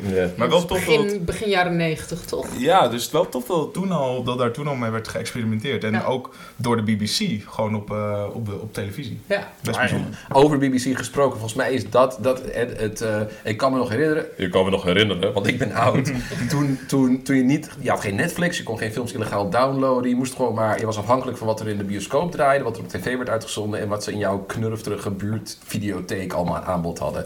En Dus echt, dat was in mijn jeugd ook, hoor. en dat het, nou ja, dat het, nou, dan zijn wij samen oud. Dat, Ja, weet je, dat- precies. maar dat is de, ehm, dat dan de, de tv-gids voor de kerstdagen aankwam. Ja. Dat het een soort feest was, want je kon aanstrepen welke films dus allemaal uitgezonden gingen worden. heb- doe ik en, de video, en de videorecorder klaarzetten Ja. om dat allemaal op te nemen. Want dan kon je ineens kon je allemaal films, want er werden zo, er werd zoveel, mensen hebben allemaal vakantie, die zitten thuis voor de buis. Mhm. Ja, en dan worden allemaal, alle zenders die gaan met elkaar de strijd aan om kijkers te trekken. Dus dure films van die tijd, Indiana Jones, The Godfather, weet je wel. Al dat soort dingen, lange films, grote Hollywood producties, die je dan even lekker gewoon gaan kijken of opnemen of zo. Zo. Nou, dat maakt van die kersttijd ook een fantastische film. Zonde, hè, dat het niet Ja, meer zo is. Ja, vind ik wel. Vind ik Maar wel. dat, dat, dat maakt jou niet heel uit dat je dat erin... Want ik heb dat in mijn jeugd ook nog gedaan. Ja, ik voel me altijd dat heel... Als ik met mijn studenten praat, en dan zeg ik echt van... Er was een tijd dat je echt moest wachten tot iets op tv was. En ik zit me aan te kijken van... Jee, vertel me nog meer. Of, Ja. of, hou, Ja. of hou je Ja. mond, mag gewoon. Maar, maar dat is echt geloof- niet, niet voorspel, voorstelbaar. Nee. Nee. Ik geloof dat toen ik iets van eh 11 of 12 was, dat de BBC toen al die oude Universal monsterfilms eh, Ja, uitzond. ja, ja, ja, Dat- ja, ja. Toen heb ik dus inderdaad ook voor het eerst eh, eh, eh, Dracula en Frankenstein en The Old Dark House, Ja. wat een hele leuk is. Die is maar, net ook- gerestaureerd trouwens. Die komt nu Oh, uit een cool. nieuwe... Ja, waanzinnig. Ah, ja, ja, ja, ja, ja. maar vooral inderdaad Bride of Frankenstein, Ja. die zag ik toen voor, dat is nog steeds mijn, ik denk wel mijn nummer 1 aller tijden. Ja, Ehm, dus moet je echt gaan kijken, Tim. ja Ik- echt. ik- Ja. Daar hoor je het van nog iemand. Ja, ik moet je kijken, Tim. Ik ga het kijken. vrouwen ook. Dat is dan, weet je? Hey, en, en Nederlandse kerstgenrefilms? Het wordt akelig stil aan tafel. Ik vind Alles is Liefde. Ja. Maar Ja, daar wil ik best een lans voor breken. Ik vind het, eh, ik, ik- de film waar die altijd mee geassocieerd wordt, Love Actually. Dat Vreselijk. ik echt Ja, ik kan het bijna niet eens zeggen. Het is het, hetzelfde effect als dat ik Donald Trump, Mr. President of zo moet zeggen. Ik krijg gewoon kotsneigingen. Love Actually is me- een van mijn meest gehate films. Ja. Maar, en Alles is Liefde, dat zou dan de Nederlandse Love Actually zijn. Maar die is honderd keer beter Ja. dan waar dat vandaan Mee komt. eens. Ontzettend leuke ja, feestdagenfilm. Die weet gewoon allerlei, ja, nou ja, gewoon borrelende plotjes met je aan elkaar te rijgen op een charmante, sympathieke en leuk, nou ja, leuk in elkaar gezette manier. Het is nog in Amsterdam ook. Komt Love Actually 2 nu niet uit? Of was dat juist een beetje een Alsjeblieft, grapje? spaar me. Nee, dat was Ik een heb- soort ik- korte film. Een, eh, een nep trailer ter- voor eh, Zo'n Red Red Nose, Nose Day. Ja. waarschijnlijk, Ja, ja, ja. Nee, Ehm, nee, ik heb ook niks met die film. En, en Sint, natuurlijk. Nog even terug naar Dick Maas. Eh, dat is wel een beetje een kerstfilm. Zeker. Kerst, kerst-Sinterklaasfilm. Ja. Ja. Wat eh, vonden we daarvan, Dan? Wat vond jij ervan? Ik heb die niet gezien. Oh, Ik, wil, maar ik dacht, als je een horror... Ik, ik weigerde... Ik zag de trailer en de posters en die zagen er wel leuk uit. Maar ik dacht, als je een horrorfilm gaat maken over dat feest... Dan moet je ergens begrijpen dat het, het, het griezelige daaraan niet die Sint is, maar de Pieten. En de manier waarop die, in met, het, met Nederlands racisme, koloniaal verleden, al die dingen die op dit moment zo hoog op de agenda staan, of tenminste, zolang je geen Jenny Douwes kampioen bent. uh, dat zijn dingen die, waar, waar je, die precies een gelegenheid geven om in te spelen op nou ja, de onderbuik van de Nederlandse maatschappij waar horror zo goed gedijt. En dat, ja, dat, dat vond ik zo'n gewiste kans. En dacht, ja, dan hoef ik het ook eigenlijk niet te zien. maar, maar dan had die film natuurlijk nooit een commercieel succes geworden. Maar waarschijnlijk wel... Tenminste, ik denk... Best wel waarom niet? Maar je, kan het, je hoeft dat niet eh, heel eh, eh, obvious erin te stoppen natuurlijk. Maar je kan wel erop zinspelen op de horror die daarachter Dat is zit. precies wat Get Out zo goed doet. Of wat Rosemary's Baby zo goed doet. Je hoeft geen feminist te zijn om Rosemary's Baby leuk te vinden. Of, maar je voelt wel wat er aan de hand is. En dat voel je ook bij Get Out. Je hoeft daar ook geen radicale antiracistische eh, activist voor te zijn. En toch begrijp je heel goed de, ja, de, de humor, maar ook het venijn van die film. En dat is iets wat de meest, wat de, de meest nou ja, briljante horrormaker, horrorfilmmakers altijd goed hebben begrepen. Van George Romero tot Wes Craven. Nou ja, tot eh, Jordan Peele nu. Hè, dat idee dat je daar ehm, dat je op een subtiele manier een verbinding kunt leggen tussen eh, traditionele genre-elementen en maatschappelijke debatten die op dit moment nou ja, resoneren bij het publiek. Die, waar, die je ergens intuïtief begrijpt. En dat is iets waarvan ik denk, ja, Sint is echt zo'n film die gewoon een icoon neemt van een, van een heel voorspelbaar en een beetje oppervlakkig icoon dat feest. En daar niet de, ja, dat precies de verkeerde kant mee opgaat. Dus ik, nou ja, het, is niet een principe kwestie, ik wil heus een keer zien. Het is gewoon, ik had geen behoefte om er per se naar te kijken. Een, een, een, horrorfilm over Zwarte Piet, ik teken hem meteen voor. Heb jij hem gezien, Sint? Nee, nee, en ik heb ook een vraag aan jullie. Ehm, eh, wordt er wel iets gezegd over eh, katholicisme of over de, de, de religi- religieuze eh, kant van Sinterklaas? Nou, ook nauwelijks, want, want volgens die film was Sint-Nicolaas eigenlijk een afvallige bisschop. Oh ja. En ja, die film die mist eigenlijk heel veel kansen om iets interessants te doen met, met Sinterklaas en Zwarte Piet. De, de Pieten, dat zijn een soort zwartgeblakerde zombies die er... Waar ik ook, ja, ik, ik denk misschien omdat die film ook eh, in Amerika verkocht moest worden, dat ze niet echt konden laten zien van wij hebben hier een blackface-traditie. Want dat, dat Nee. zit er niet echt in. Nee. Maar die pieten die verschijnen dan wel. En dan zijn het voor Nederlanders wel herkenbaar zwarte pieten. Maar niet iets waar je als Amerikaan van denkt van... hé, hey, eh, wat krijgen we nou? Zoveel CGI-pieten waren het, toch?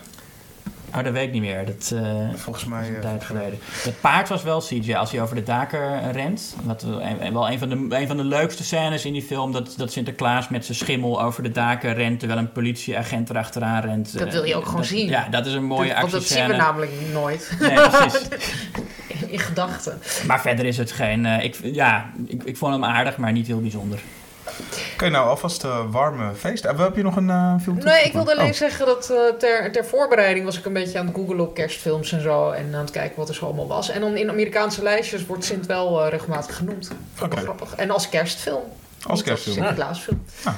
Uiteraard. Nou, alvast een warme feestdagen voor Ja, jullie. oh ja, en ik heb nog een tip. Op 14 december eh Cinema Exotiek, dus de, de cultreeks in AI, de Double Bill, eh, heeft eh, een soort van eh, anti-kerst eh, eh, Double Bill. En dat is namelijk A Shane Black Christmas met Lethal Weapon en Kiss Kiss Bang Bang op 14 december. Dus daar, daar kan je ook naartoe. Ah, toch ook best wel kerstfilms. Lethal Weapon begint volgens mij met Jingle Bell Rock. Ja, het zijn allebei Ja, kerstfilms. ja, ja, ja, ja. Bedankt voor jullie eh, bijdrage. Graag gedaan.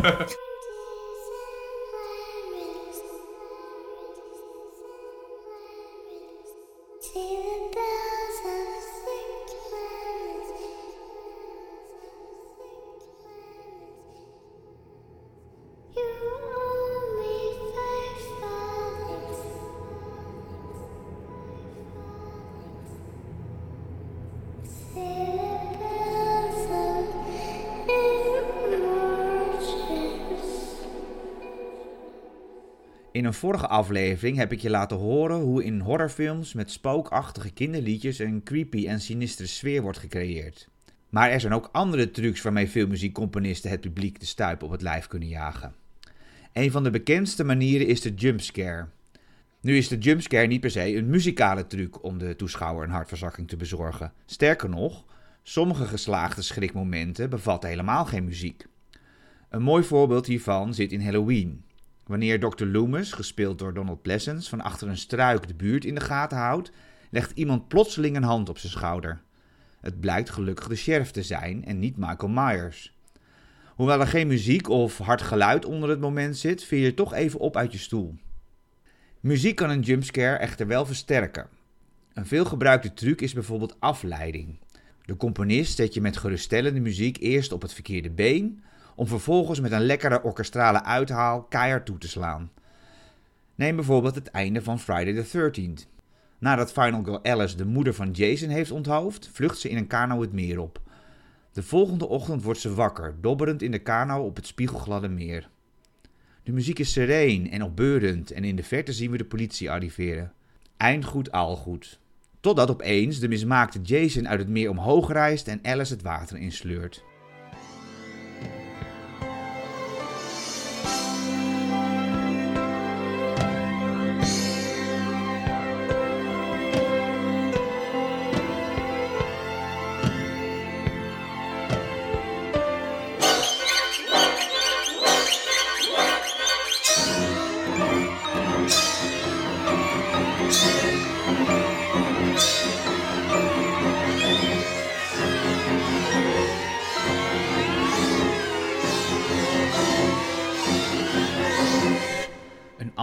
Om de sfeer dreigender te maken is het gebruik van lage tonen.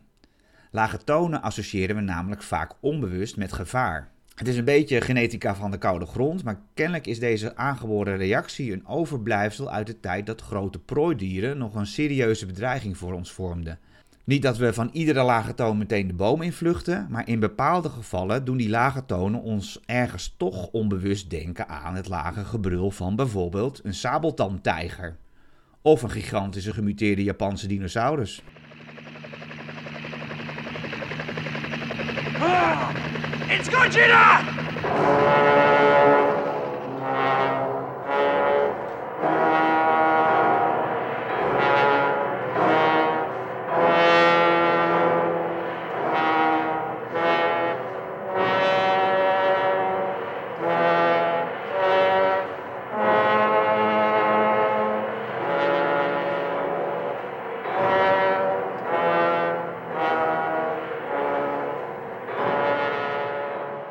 Atonale of dissonante muziek, muziek die niet helemaal lekker in het gehoor ligt, is een prima manier om ons de kriebels te bezorgen.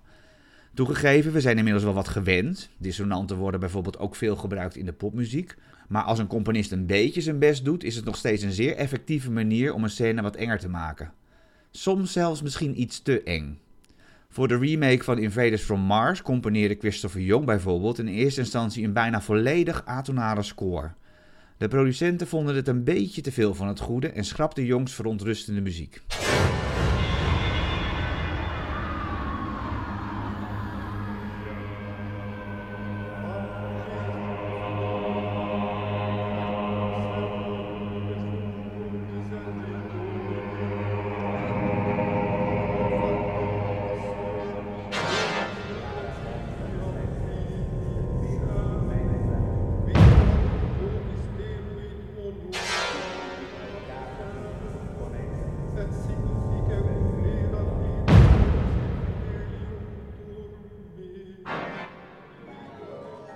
De bekendste of beruchtste dissonant is de tritone of tritonus.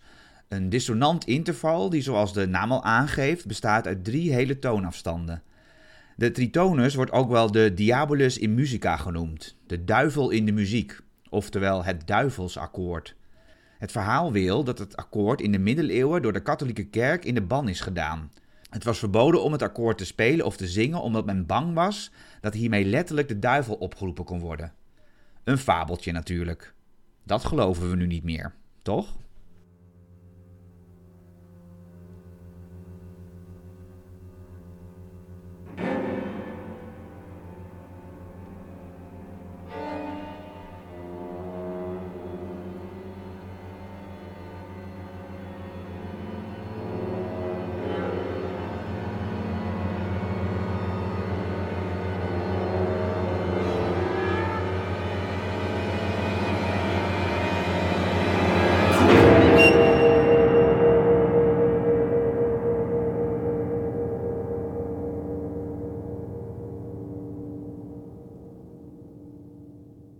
De column van Erik. Dankjewel, Erik.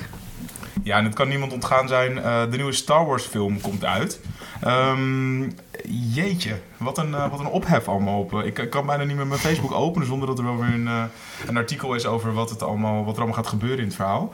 Ehm, ik ben niet zo aangesloten met Star Wars dat ik daar heel erg dik in zit. Ik vind het wel altijd leuk om naar te kijken. Ik heb alles gezien ervan.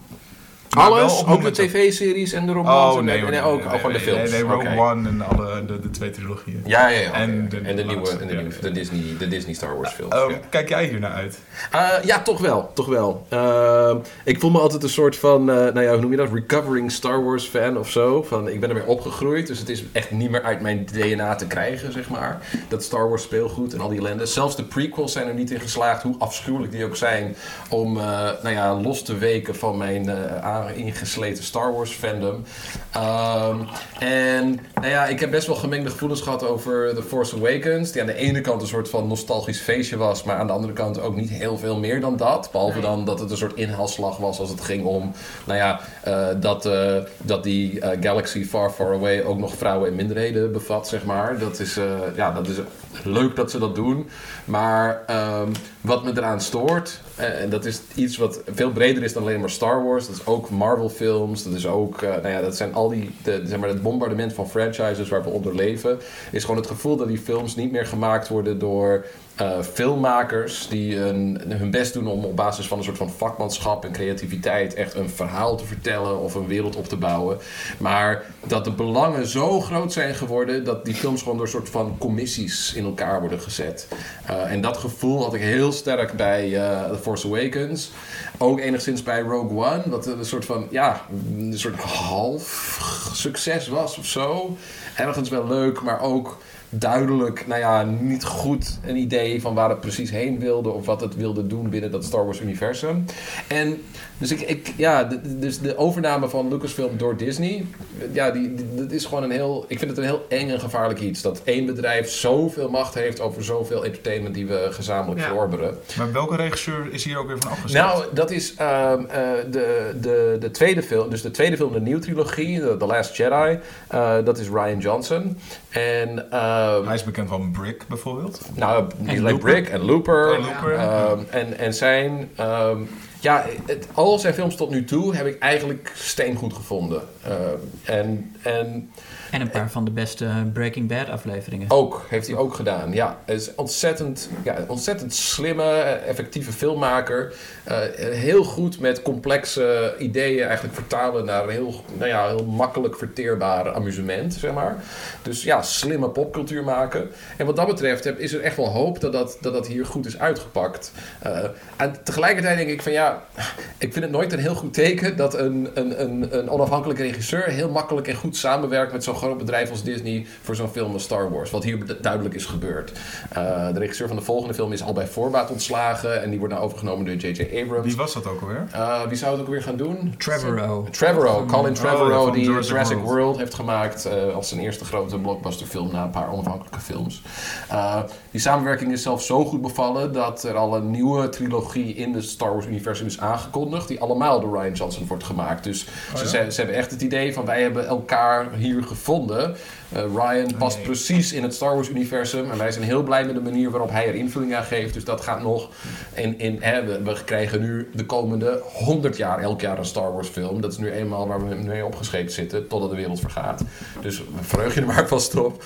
Ehm, eh, En, en, en wat nou als eh, deze film niet zo goed is? ja, eh, mijn, ik, ik, wat ik. Ik denk dat we, we hebben onze lat inmiddels zo laag gelegd ergens. Dat iets als Thor Ragnarok wordt nu gezien als iets van... Jeetje, wat sprankelend en wat grappig en wat leuk dat er geintjes in zitten. Uh, want het is toch een Marvel film en ja, die zijn toch ergens allemaal hetzelfde. Um, dus die, ik denk dat de, de formule op dit moment is... Je kent de franchise, je kent de stijl, je weet wat er ongeveer binnen kan. En dan zijn er minimale variaties mogelijk... Die, waarbij een, een regisseur een soort van... Eh, een beetje een, een stijl of gevoel voor humor... of een, een, soort van ja, prikkeling weet uit te delen. Um, en meer dan dat verwachten we er eigenlijk niet van. We verwachten niet van, wauw, dit is... Toen The Empire Strikes Back uh, verscheen, waren mensen van, jemig, dit is niet zomaar een vervolg op Star Wars. Maar dit is echt nog veel beter dan die eerste film. En dit is scène voor scène, is hier duidelijk heel hard aan gewerkt om alles, het camerawerk, belichting, dialogen, muziek, om het allemaal perfect in elkaar te krijgen. Tot grote ergernis van George Lucas, die de rekening daarvoor moest betalen. Dus het is um, dat idee dat een, een grote blockbuster ook eigenlijk een, een groot kunstwerk kan zijn. En dan niet alleen The Empire Strikes Back, maar dan kun je het hebben over The Thing van George Carpenter, of je kan het hebben over Blade Runner van Ridley Scott. Nou ja, zo, zo zijn er nog meer films die ergens met een gigantisch budget zijn gemaakt, maar waar heel veel ja, kunstenaarschap in zit. Dat Trouwens, is iets, wel allebei flops die je nou Allebei flops op, toen die verschenen, absoluut, absoluut. En The Empire Strikes Back was ook eigenlijk de minst succesvolle Star Wars film in de reeks op het moment dat die verscheen. Uh, maar allemaal films die, waarvan de, de, de kwaliteiten ervan in de loop van de jaren, door, met name door de fans, enorm zijn nou ja, bejubeld. Um, dus die in dat opzicht, ja, hun uh, gebrek aan enorm kastsucces toen de tijd, ruimschoots goed hebben gemaakt. Maar is, het, is dat ook niet zo met bijvoorbeeld uh, over 50 jaar, ik zeg maar wat, kijken we dan ook niet op die manier naar Deadpool of naar The Winter Soldier? Of ik bedoel, dat soort films, die deden ook iets radicaal anders dan andere films binnen dat genre? Nou, Deadpool, sorry, maar nee, absoluut niet. Dat is gewoon een honest trailers, maar dan op, op, op, op bioscoopformaat. Dat is Ja, de meest luie waar. humor die je kan voorstellen. Dus die is iedereen letterlijk over vijf jaar vergeten. Uh, maar dat... Uh, maar er zijn films die nu worden gemaakt, denk ik, die, die, dat, die, die iets kunnen doen. De films zoals uh, één regisseur die in dit genre werkt, die op de een of andere manier in staat is om dat toch naar een ander niveau te tillen, is uh, uh, Guillermo del Toro. Bijvoorbeeld films als Pacific Rim, die ergens een soort van popcornvermaak hebben, maar waar zoveel ja, uh, raffinement in zit. Is dat het woord? Zoveel sophistication. Hij weet precies wat hij in beeld wil brengen. Hoe hij kleur, ansenering, karakter wil gebruiken om een pulpverhaal te vertellen. Die, die, die, daar kijken mensen over 50 jaar zeker nog steeds naar. En dan zeggen ze, het is misschien niet het meesterwerk der meesterwerken. Maar dit is echt gewoon een goed in elkaar gezet film. Waar hard aan gewerkt is en waar met passie voor, uh, aan, ja, aan gewerkt is. En, en die Star Wars films, en dat, sorry, maar dat, dat, dat proef je echt zowel aan Rogue One als aan elke fucking film in de Marvel Universe. Voor mij is Guardians of the Galaxy 2 een beetje een soort van outlier. In de zin dat dat veel meer een soort auteursfilm is. Een beetje een gekke, gek zondagskind in die reeks. Maar de rest heeft allemaal een beetje de, dezelfde visuele stijl. Het is Ja. allemaal heel plastic en CGI. Het zijn makkelijke grappen. Het, is, ehm, het, het, het, het moet allemaal passen binnen een verhaalwereld die ergens allemaal toch ja, altijd weer bezig is met raakvlakken maken voor de volgende films en de volgende Netflix-series, zodat je die ook allemaal gaat kijken. Ehm, en het heeft daarom iets, ja, iets plastics, iets goedkoops. En dat is, en dat is iets wat je, ja, wat, ehm, wat je nu nog maar zelden tegenkomt. Je merkt gewoon dat dat zie je ook in de voortdurende conflicten binnen Disney met regisseurs. Ze willen heel graag nieuwe, jonge, edgy regisseurs aantrekken, want ze denken die brengen iets met zich mee. Maar die vinden al heel snel dat die daar te ver in gaan. En dan zeggen ze, ja nee, sorry, het moet wel allemaal op onze manier. Jij moet alleen jouw smaakje eraan kunnen geven. Ja. En dat is, een, ja, dat is gewoon een heel ander systeem dan de films van jaren 70, jaren 80 waren. Dat waren, neem een film als Dune van David Lynch, weet je wel? Volstrekt zotte film, maar fascinerend om van begin tot eind naar te kijken. Want daar gebeuren dingen die je denkt, nou, echt, dat dit, dat dit betaald is, dat dit gemaakt is, dat, dat we hier ergens een soort van verhaal uit moesten halen. Ja, waanzinnig. Nou, dat kan nu niet meer. Er zit gewoon, dus de belangen zijn zo groot, want het gaat niet alleen om die film, het gaat om de hele franchise en de hele brand. Maar hoe, hoe, hoe dan bijvoorbeeld Blade Runner 2049? Ik bedoel, dan heb je natuurlijk wel Villeneuve, dat is wel een, was- een auteur. Ja, het was een hele mooie kans, denk ik, om daar iets moois mee te doen. Ik vond het resultaat echt heel erg tegenvallen. Ehm, het is ook iets waarvan je zegt, ja, Blade Runner, het origineel. Ja, de, de reden waarom we zo, zo gek zijn op Blade Runner, tenminste wij als science fiction fans, is voor een groot deel vanwege alle mythologie die daaromheen opgebouwd is. Alle verschillende versies en alle verhalen over conflicten op de set. En nou ja, de hele, de hele, de hele wereld die daaromheen is opgebouwd. En ja, ik vond het daarom eigenlijk ook gewoon een slecht idee om daar een grote blockbusterachtige film als vervolg daarop te maken. Ja, dat is juist heel mooi, een heel mooi afgesloten iets. Juist ook vanwege dat claustrofobische van die film zelf. En een film die die wereld openbreekt en groter maakt en uitlegt. Ik denk, ja, ik denk niet dat echte Blade Runner fans daar nou ontzettend op zaten te wachten. En ik ken niemand voor wie die echt een Blade Runner fan was, voor wie het niet op de een of andere manier toch een beetje teleurstelling was om die film te zien. Maar het, zegt denk ik heel veel over het feit dat dit niet een soort nieuwe science fiction film was op basis van een visie van Villeneuve van wat zou de toekomst zijn. Maar het is een, een poging van Warner Brothers om een bestaand ding wat zij hadden, namelijk Blade Runner, te zeggen, nou dat is van ons. We hebben Harrison Ford die leeft nog, we kunnen Sean Young er ergens in stoppen. We hebben ergens nog, eh hoe heet die ook weer, eh, eh, die eh, Gad speelt in de film. eh eh, eh, Battlestar Galactica. Nou ja, de kapitein uit Battlestar Galactica. Die kunnen we ook nog ergens erin in een scène doen. En we kunnen die wereld dan uitbreiden. En voor je het weet hebben we een franchise waar we games in kunnen doen. En nog meer films enzovoort enzovoort. Dat is Ja. de enige manier van denken van Hollywood op dit, Ja. dit moment. Ja. Het, moet allemaal franchisable zijn. En dat is Star Wars natuurlijk nu ook. En het dat Star Wars dat is het het. ultieme daarvan. Want Ja. hè, de, de, de winst zit niet in de films. Voor hen, voor hen zijn die films een soort zijproduct. Die films die zijn gewoon een manier om de fans te blijven boeien. Maar wat ze vooral willen verkopen is pyjama's, ehm, eh, amusement park rides. Hè, de expansies die ze aan het bouwen zijn voor Walt Disney World. Waarin je een soort Westworld-achtige Star Wars roleplaying kan doen. Dat is de toekomst voor hen en dat is waar het geld zit. En om dat geld mogelijk te maken, moeten ze gewoon films maken die de fans op de een of andere manier een beetje tegemoet komen. En wel in december, dus wel weer. eh, Wel in december. Dat wordt nu dus echt voor de komende, nou ja, 100 jaar Ja. dus. Een kerstritueel. Want welke, welke Star Wars... Oh, Han Solo komt volgend jaar uit. Eh, de Hans, ja, ja, Solo heet die film inmiddels, Solo. weten we. Ja, Ja? ja, Heet hij gewoon alleen Solo? Hij heet Solo, A Star Wars Story. Oh, want wow. want het, het, het eh, systeem is nu, je krijgt in de, wat is het nu? In de oneven jaren krijg je dus een genummerde Star Wars entry. Dus episode, nou ja, 7, 8, 9. Nou, zo kunnen we nog wel even doorgaan waarschijnlijk. Ehm, al weten we tot nu toe niet meer dan deze trilogie. En dan in de even jaren krijg je dus films die zich in het Star Wars universum afspelen. Maar die niet onder zijn, onderdeel zijn van de officiële genummerde saga. eh, die tot nu toe in ieder geval heel erg rondom de Skywalkers georganiseerd was. En waarvan we nog niet zo goed weten welke rol Rey Ja. daarin speelt, speelt. Maar we weten wel dat Luke Skywalker ehm, nou ja, een prominentere rol in deze heeft dan in de vorige. Eh, waarin hij natuurlijk alleen maar in de, in de eindscène op kwam duiken. En ik wil wel één ding zeggen. Als ik in deze film, nu, nu we in The Force Awakens... Ik, dat is geen spoiler meer denk ik... dat we hebben gezien dat Han Solo... nou ja, eh, de, de, een kopje kleiner werd gemaakt. Als ik nu moet kijken hoe Luke Skywalker wordt doodgemaakt in deze volgende film, dan haak ik voor goed af. En dat zeg ik als levenslange Star Wars fan. We kunnen toch niet, als het idee nu is van we gaan de franchise opbouwen door elke film één van de oude castleden dood te maken. En dat wordt een soort Game of Thrones-achtig. eh, Misschien ja. Princess Leia? Ja, ja, dit moet er, ergens moet die sterven. Of die blijft dan juist leven. Ja. Want die gaat ze daarna in CGI-vorm in alle volgende films Oh, opnieuw tot leven brengen. Nee, dankjewel. Hey, even Basje, kijk jij hier naar? Ik ga er wel heen. Je, Ik- je hebt ook wel Force Awakens gezien. ja. Ah, oké, oké. Ja, in die ik ben het wel met je eens, maar ik vond het dan wel.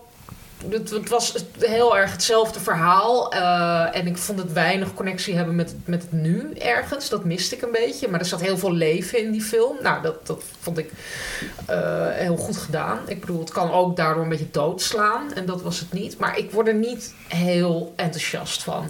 Nou, één Ik ding, ben mag er nog niet één ding mee zeggen? Ja. Dat, dat één moment in The Force Awakens, het moment waarop, eh, waarop Ray, of waarop Ray is aan het vechten met Kylo Ren en, en hoe heet die, die is er ook nog bij, Eh, Finn, nee, die andere. Nou ja, die zijn aan het vechten in dat, in dat, in dat woud vol met sneeuw. Hartstikke kersterig.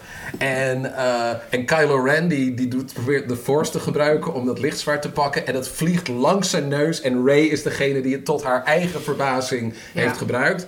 Mooiste moment in de hele Star Wars filmserie voor mij tot nu toe. Dat ene moment. En ik zag hem in New York in de bioscoopzaal. En iedereen in de zaal stond op en applaudisseerde. Ik Oh, ook. Gewoon spontaan. Gewoon omdat het, hè, voor een filmserie die altijd zo erg inhaakte op de jongensbeleving. Op het idee van we zijn allemaal Luke Skywalker. En als je op het schoolplein speelde. Nou, en er was met een gemengd gezelschap qua gender. En je moest dus. Nou ja, ik ben Han Solo, ik ben Chewbacca, ik ben Luke Skywalker. Ja, jullie worden allemaal Princess Leia of zo. Ja, ja. Het idee dat je dus een leidend personage kan hebben. wat dus force powers heeft. en wat dat dus kan doen. en wat zo die hufterige Kylo Ren kan overtroeven. Nou, waanzinnig. Maar ja, dat vind ik in theorie is dat waanzinnig. Alleen ik identificeerde me niet meer met haar dan, dan met Luke Skywalker of met Jij zou nog steeds Luke Sky- Skywalker zijn op het schoolplein. Nee, eh, gewoon heel. Ik identificeer me, ik identificeer me eigenlijk met niemand. Hm.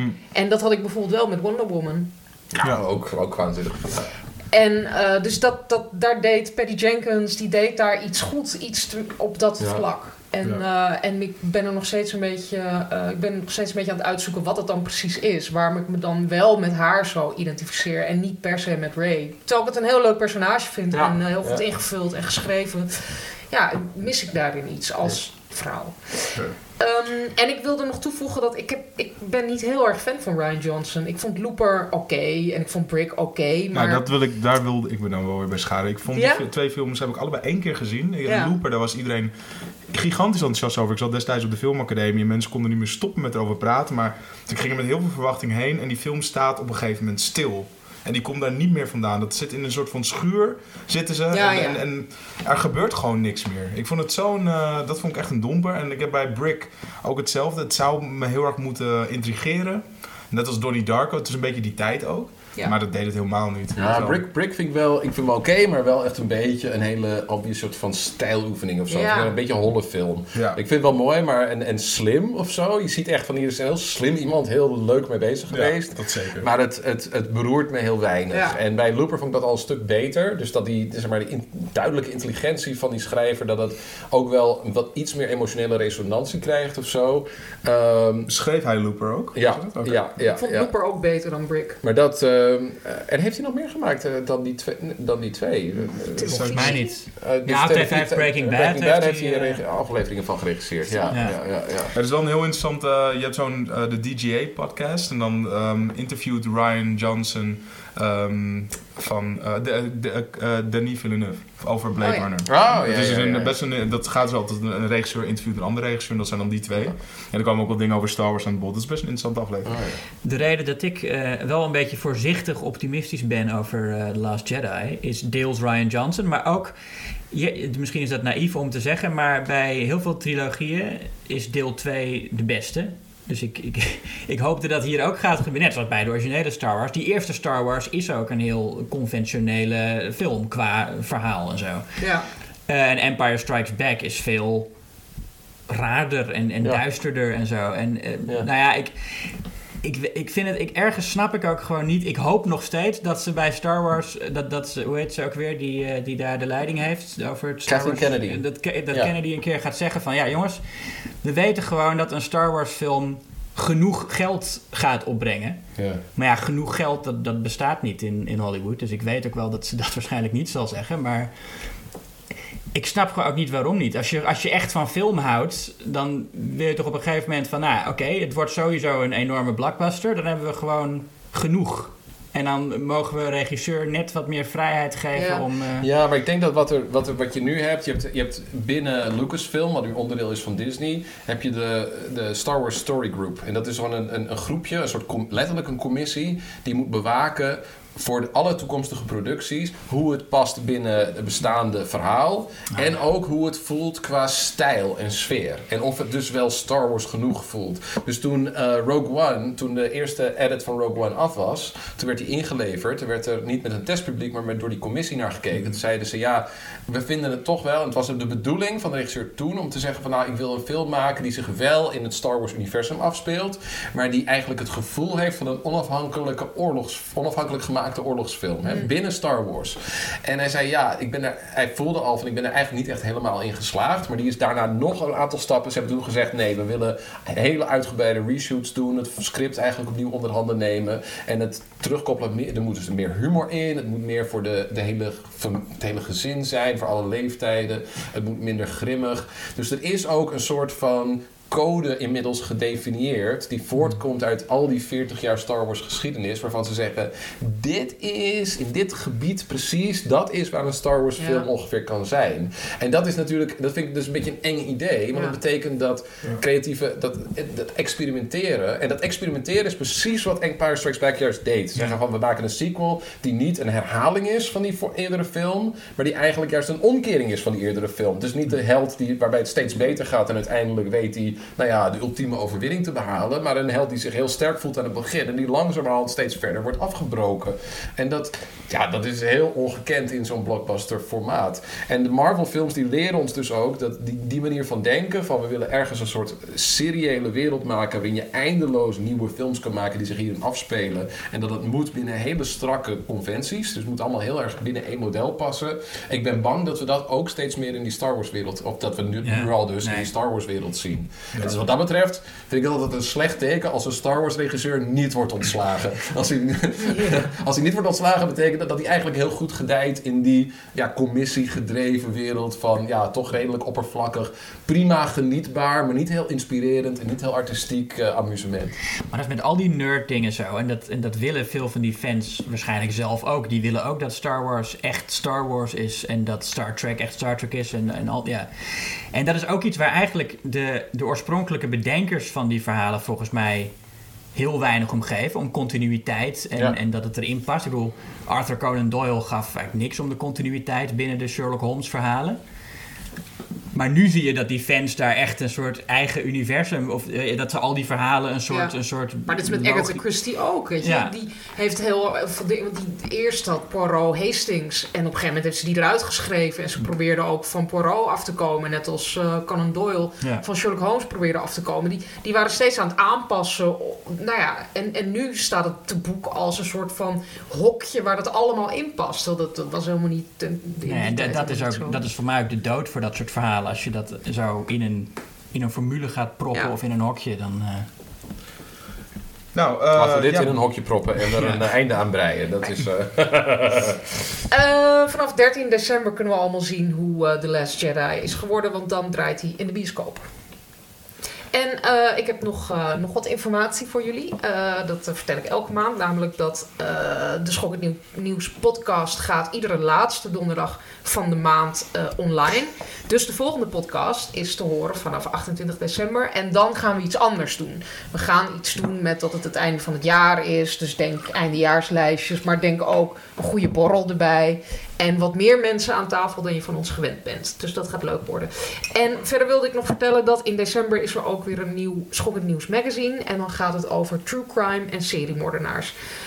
Eh, daarnaast, eh, we noemden het net al, we hebben eh, eh, de, Julius en Jasper, die, eh, die hebben hun eigen podcast nu. Dus Is dit nu een franchise aan het worden? Ja, het is een franchise, Oké, ja. dat is Ja. duidelijk. Ja.